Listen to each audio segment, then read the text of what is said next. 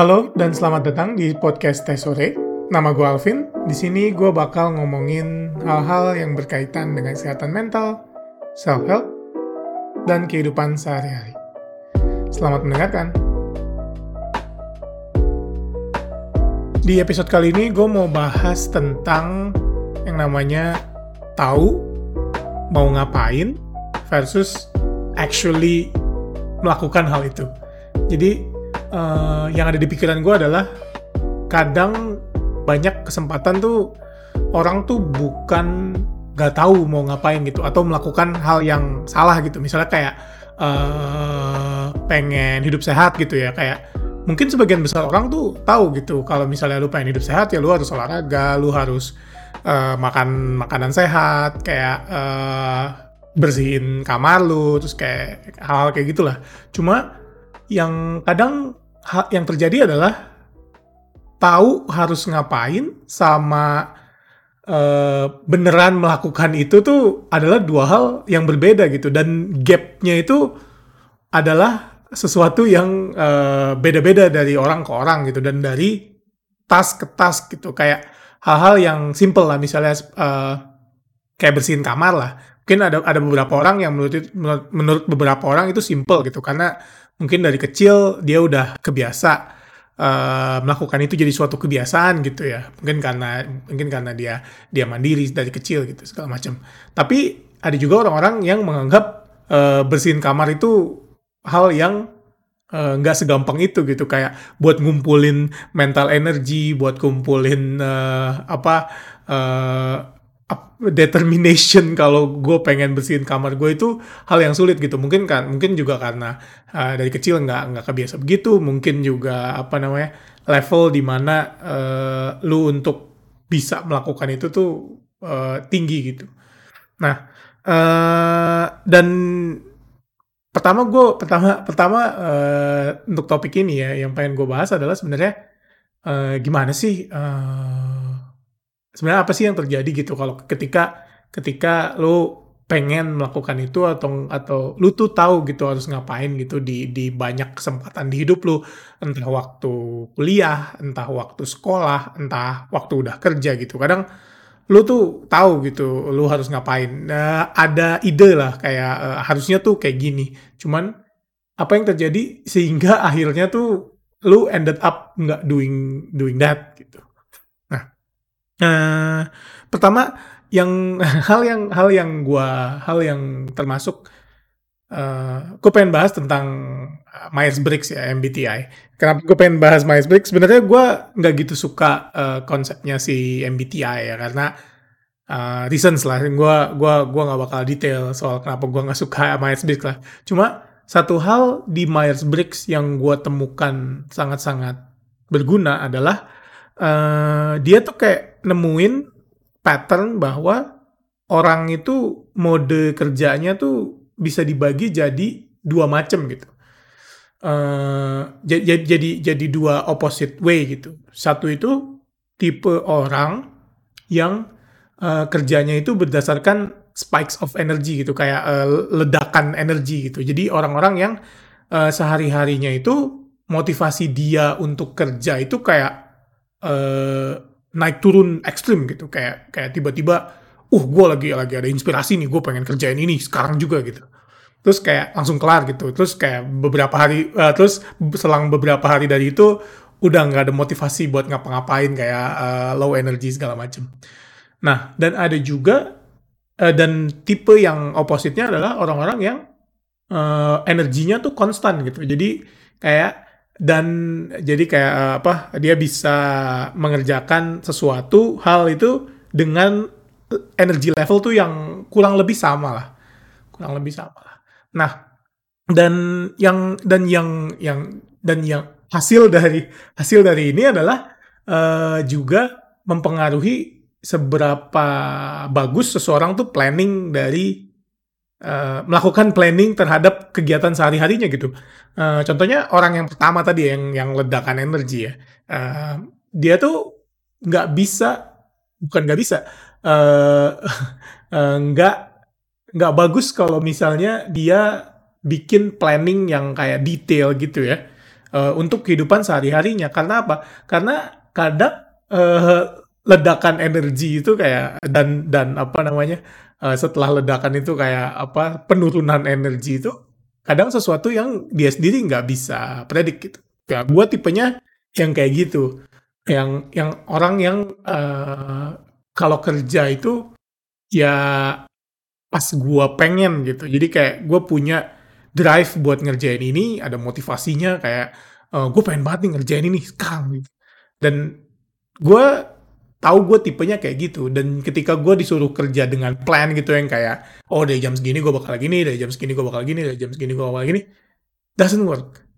Dan dan gue udah coba berkali-kali dan dan apa ya yang gue temukan salah ketika ketika gue ikut-ikut kayak seminar macam yang Stephen Covey Stephen Covey yang Seven Habits of uh, bla bla bla itu adalah mereka menganggap tuh uh, uh, tipe kerja orang tuh sama gitu, setara gitu. Jadi kayak semua orang tuh bisa planning gitu misalnya, atau enggak semua orang tuh begini gitu. Sedangkan dari dari MBTI ini kita dari MBTI yang sesimpel ini gitu, yang kayak uh, 16 16 different archetypes ini ya, itu tuh kita dari situ aja bisa tahu orang tuh uh, good at certain things and not so good at other things gitu ya.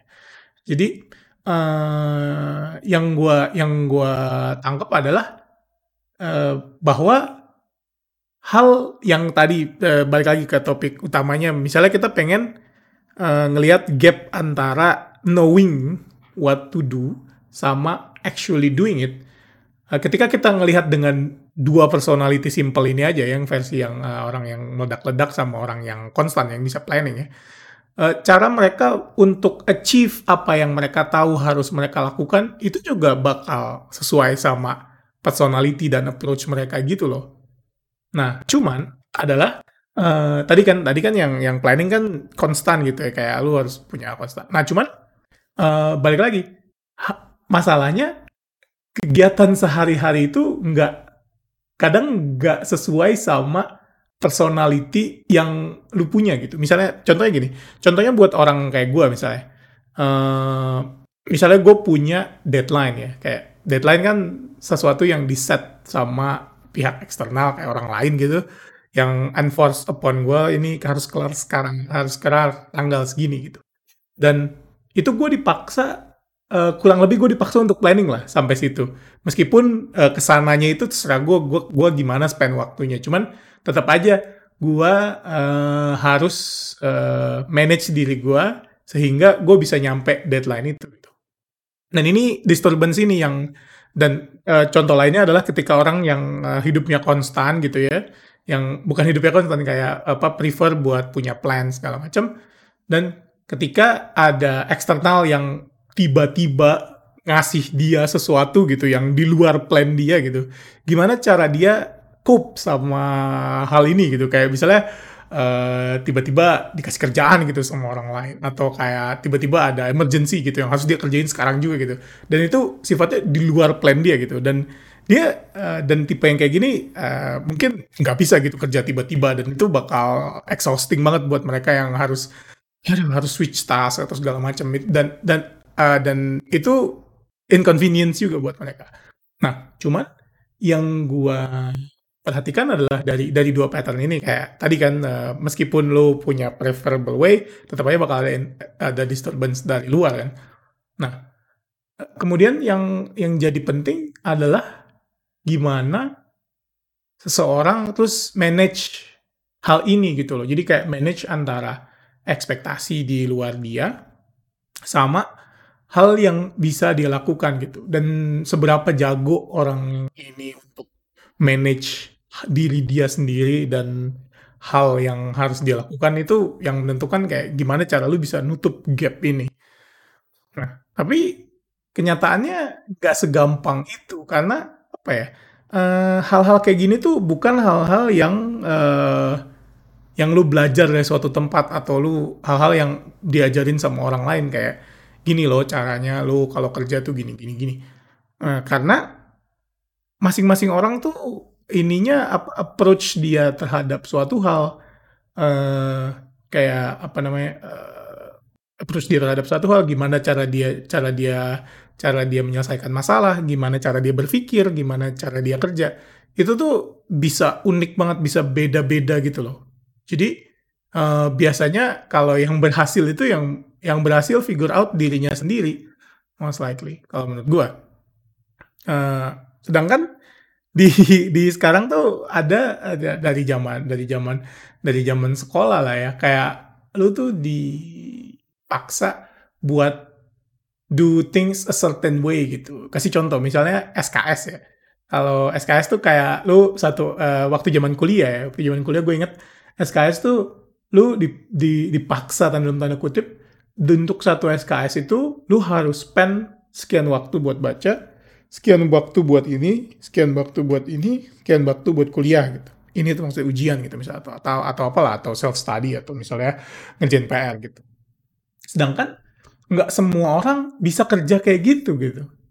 Dan makanya hasilnya hasilnya uh, kadang orang dapat nilai atau good di mata kuliah tuh uh, di luar dari di luar dari gimana dia mengerjakan sistem SKS gini loh dan actually mungkin nggak ada gitu yang ngikutin sistem SKS kayak mungkin ada kayak satu dua orang gitu. Cuma kayak uh, intinya nggak ada orang yang ngikutin plek-plek uh, nih guideline-nya lu harus melakukan A B C D gitu. karena that, menurut gue it just doesn't work.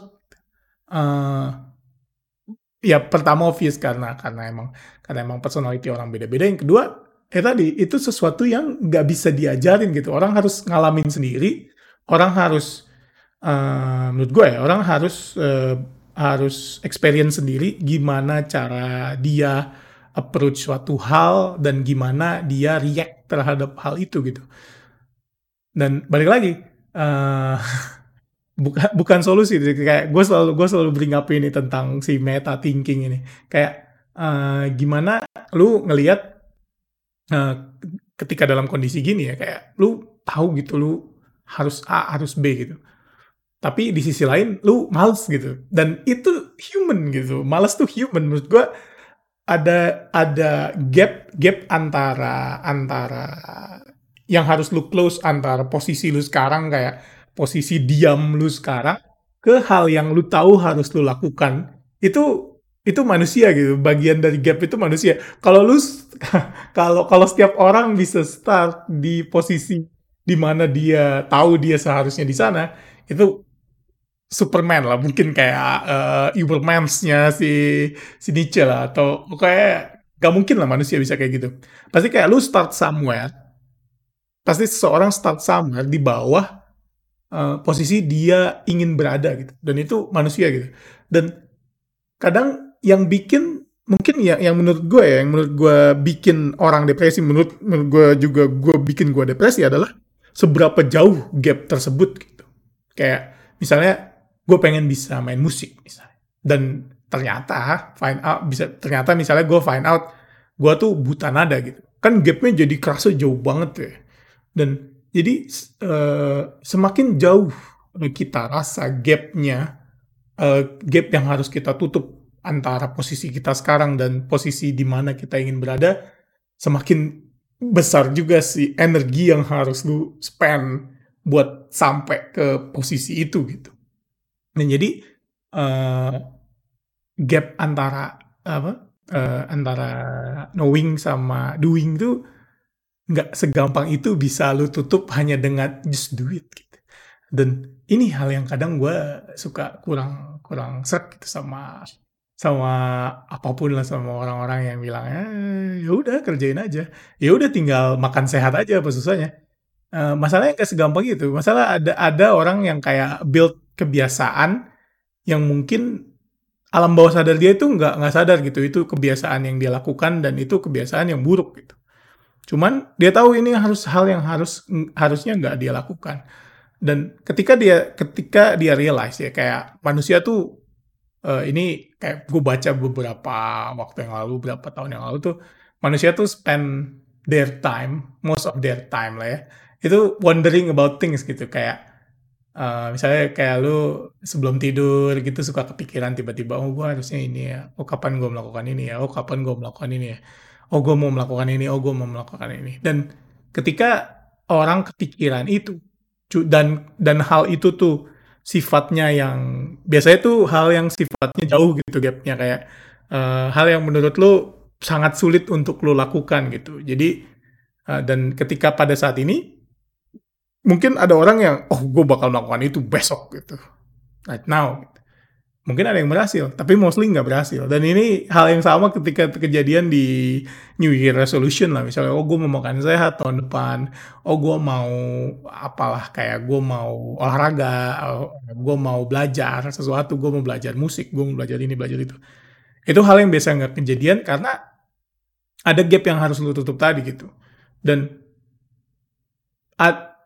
cara-cara yang bisa orang lakukan ya cara-cara yang mungkin beberapa orang juga lakukan tuh buat nutup gap ini misalnya kayak uh, membiasakan diri gitu. Misalnya kayak lo uh, pelan-pelan tutup gapnya gitu biar nggak gitu kerasa gitu. Kayak misalnya uh, lu biasa makan nggak sehat hampir setiap hari dalam seminggu mungkin lu cut sehari dalam bulan pertama lu cut satu hari gua nggak makan nggak sehat gitu mungkin bulan kedua lu makan dua dua hari lu makan sehat gitu. Mungkin bulan ketiga and so on sampai sampai lu makan gak sehat tuh cuman weekend doang gitu, misalnya. Dan hal-hal ini kadang kalau kalau kalau buat gue ya itu kadang lebih berhasil daripada yang langsung lompat gitu. Dan tapi masalahnya tapi masalahnya masalahnya adalah uh, manusia itu normal. Pengen apa-apa tuh instan. Kayak mungkin boomer-boomer itu bilang kayak uh, ya anak zaman sekarang mah apa-apa maunya instan, ini mau instan, itu mau instan. Tapi ini tuh bukan kebiasaan manusia sekarang doang. Manusia emang kayak gitu. Namanya lu pencet tombol, lu maunya tuh tombolnya tuh respon gitu. Itu biasa gitu. Uh, mungkin emang zaman sekarang kayak lu tambah uh, tambah-tambah lah apa uh, sifat itu lah yang lu pengen apa-apa tuh instan. Tapi manusia tuh emang apa-apa mau instan ya. Kalau lu nyalain api ya lu mau apinya tuh sepanas mungkin kayak gitu. Uh, dan itu manusia banget. Jadi karena karena keinginan untuk instan ini, jadi kalau lu melakukan new things, itu lu pengen langsung good. kalau lu nggak instantly good at it in the first I don't know 10 minutes first week kayak ah gue emang gak bisa. Gue emang gak bisa nih main musik. Kayak gitu. Dan itu manusia banget. Dan mengetahui bahwa itu adalah respon yang sangat manusia respon yang biasa gitu. Kayak uh, tadi kan apa namanya uh, dengan dengan lu berpikir bahwa oh ini emang manusia emang kayak gini. Yang gue harus lakukan adalah gue harus melakukan ini lagi. Again and again. Jadi kayak uh, apa ya uh, mengetahui bahwa tiap respon yang lu keluarkan dari dari pikiran lu da, dari dari pikiran pikiran kita terhadap terhadap suatu hal itu adalah manusia itu sebenarnya kayak jadi suatu hal yang kadang missing kalau di pendidikan misalnya di mungkin kayak di acara-acara motivasi atau atau atau buku-buku self help itu adalah merecognize bahwa hal-hal ini tuh manusia gitu bahwa uh, lu sebagai manusia yang utuh itu pasti ada imperfectionnya gitu. Dan imperfection imperfection ini adalah hal-hal yang bukan harusnya jadi hal yang lo uh, tekan gitu. Bukan hal yang harusnya lu tutupi sedalam-dalamnya gitu. Hal yang lu harus lupakan unlearn gitu misalnya. Tapi lebih kepada hal-hal yang harus lu manage hal-hal yang lu harus harus play with it gitu. Kayak kayak kalau kalau misalnya lu tipe orang yang hidupnya tuh harus planning gitu. Kayak mungkin ada orang yang yang dari sisi orang kayak gue gitu dari sisi orang yang kayak gue yang yang nggak bisa planning gitu pasti kayak envious banget gitu. Uh, kayak yang iya enak ya hidupnya bisa planning gitu bisa tahu uh, dua minggu ke depan mau ngapain seminggu ke depan mau ngapain. Ini gue nggak ngomongin lima tahun ke depan ya. Lima tahun ke depan tuh manusia nggak ada yang bisa hidup sepanjang nggak nggak ada yang bisa planning sepanjang itu tuh nggak ada. Manusia tuh two weeks lah a week ahead lah. Mungkin uh, next holiday lah bisa planning. Tapi kayak oh lima tahun ke depan gue mau di sini gue mau di sini tuh bohong bullshit.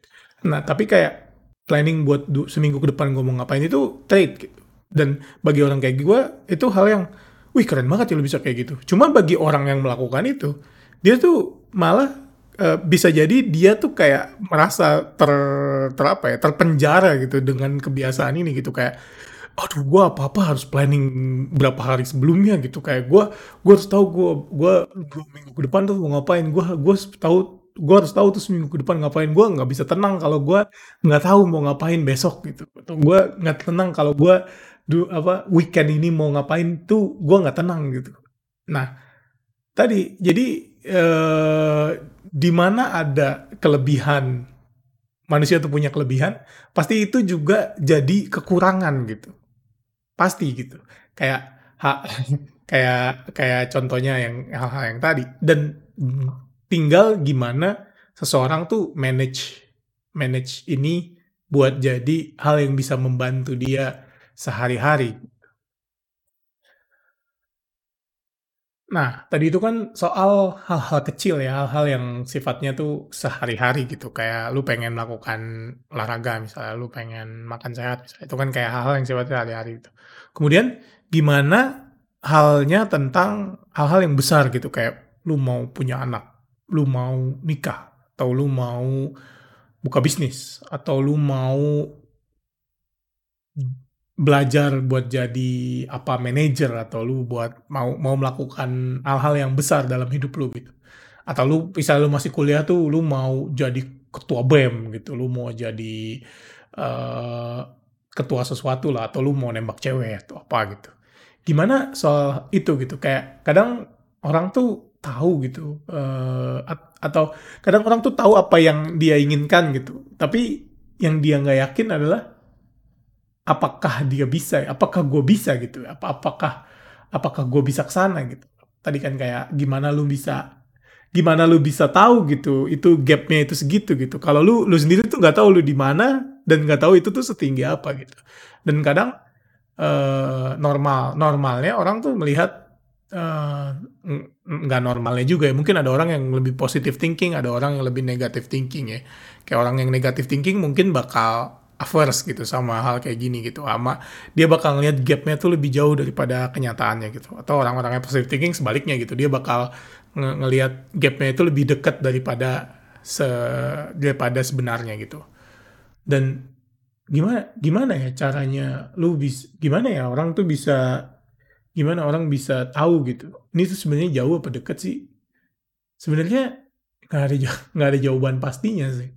Sebenarnya normal banget manusia banget kalau buat seseorang tuh nggak bisa ngukur dia di mana dan uh, up dan yang dia inginkan itu ada di mana gitu kayak misalnya gini, kayak misalnya lu kalau lu lihat uh, Dunning-Kruger curve ya, kayak uh, orang tuh semakin kalau orang baru-baru jago tuh biasanya sombong banget, kayak uh, uh, ada namanya valley of ignorance gitu, kayak lu tahu taunya dikit tapi lu uh, lu merasa lu tahu banyak banget, gitu kan? Nah terus kayak setelah si valley of ignorance ini terus kan naik gitu ya, kayak orang lama-lama tahu orang lama-lama tahu apa yang apa yang dia bisa, apa yang dia nggak bisa gitu. Kalau udah jago banget, dia tahu tahu apa yang dia tahu lah. Tahu apa yang dia nggak tahu dan tahu apa yang dia tahu gitu.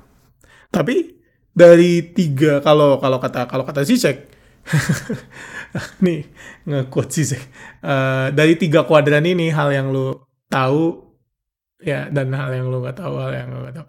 Sebenarnya kuadran yang hal yang lu nggak tahu sama sekali gitu. Kayak si gap ini.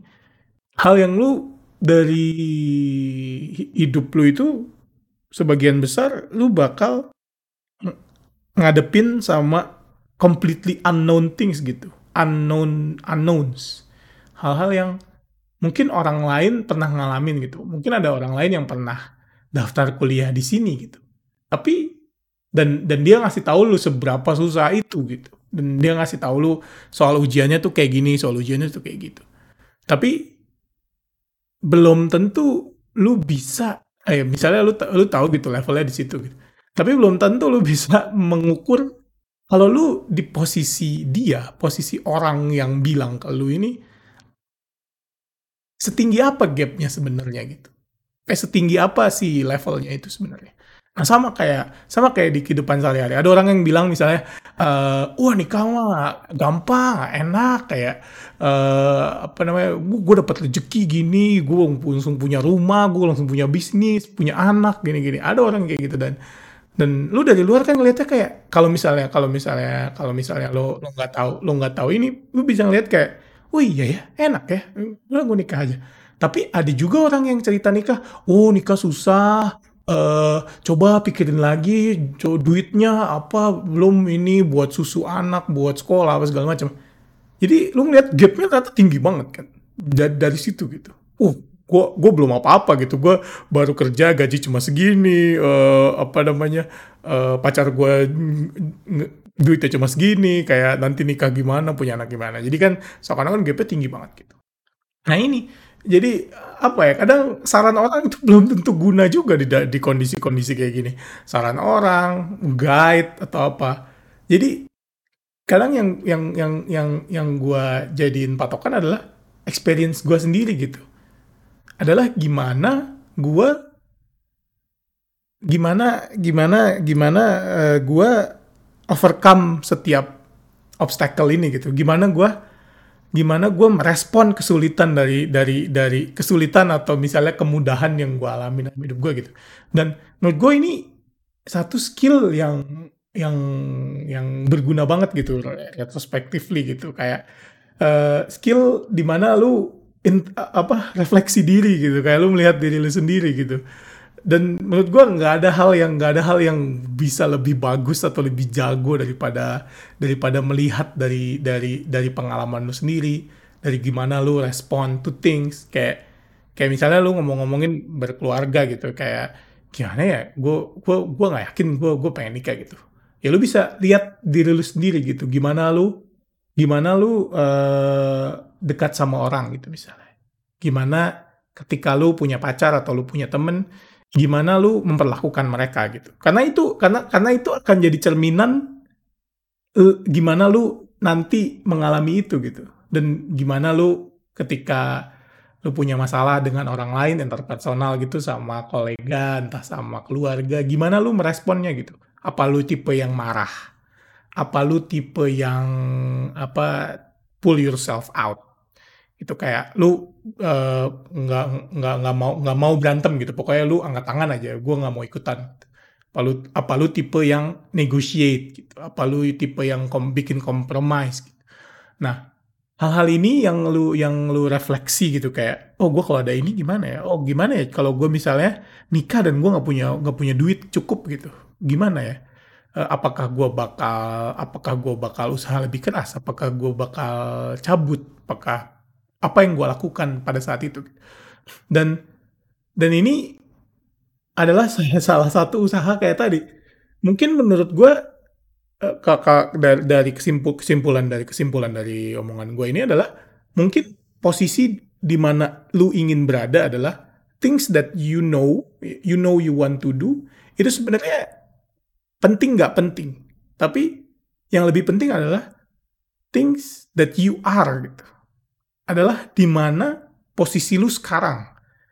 Gimana lu merespon terhadap kegagalan misalnya. Gimana lu merespon terhadap punya cita-cita misalnya. Oh, gue kalau punya cita-cita malah malah malah jadi depres anjir gitu. Ada orang yang kayak gitu. Atau oh gue kalau punya cita-cita gue bakal semangat, gue bakal kerja gitu. Ada orang yang kayak gitu.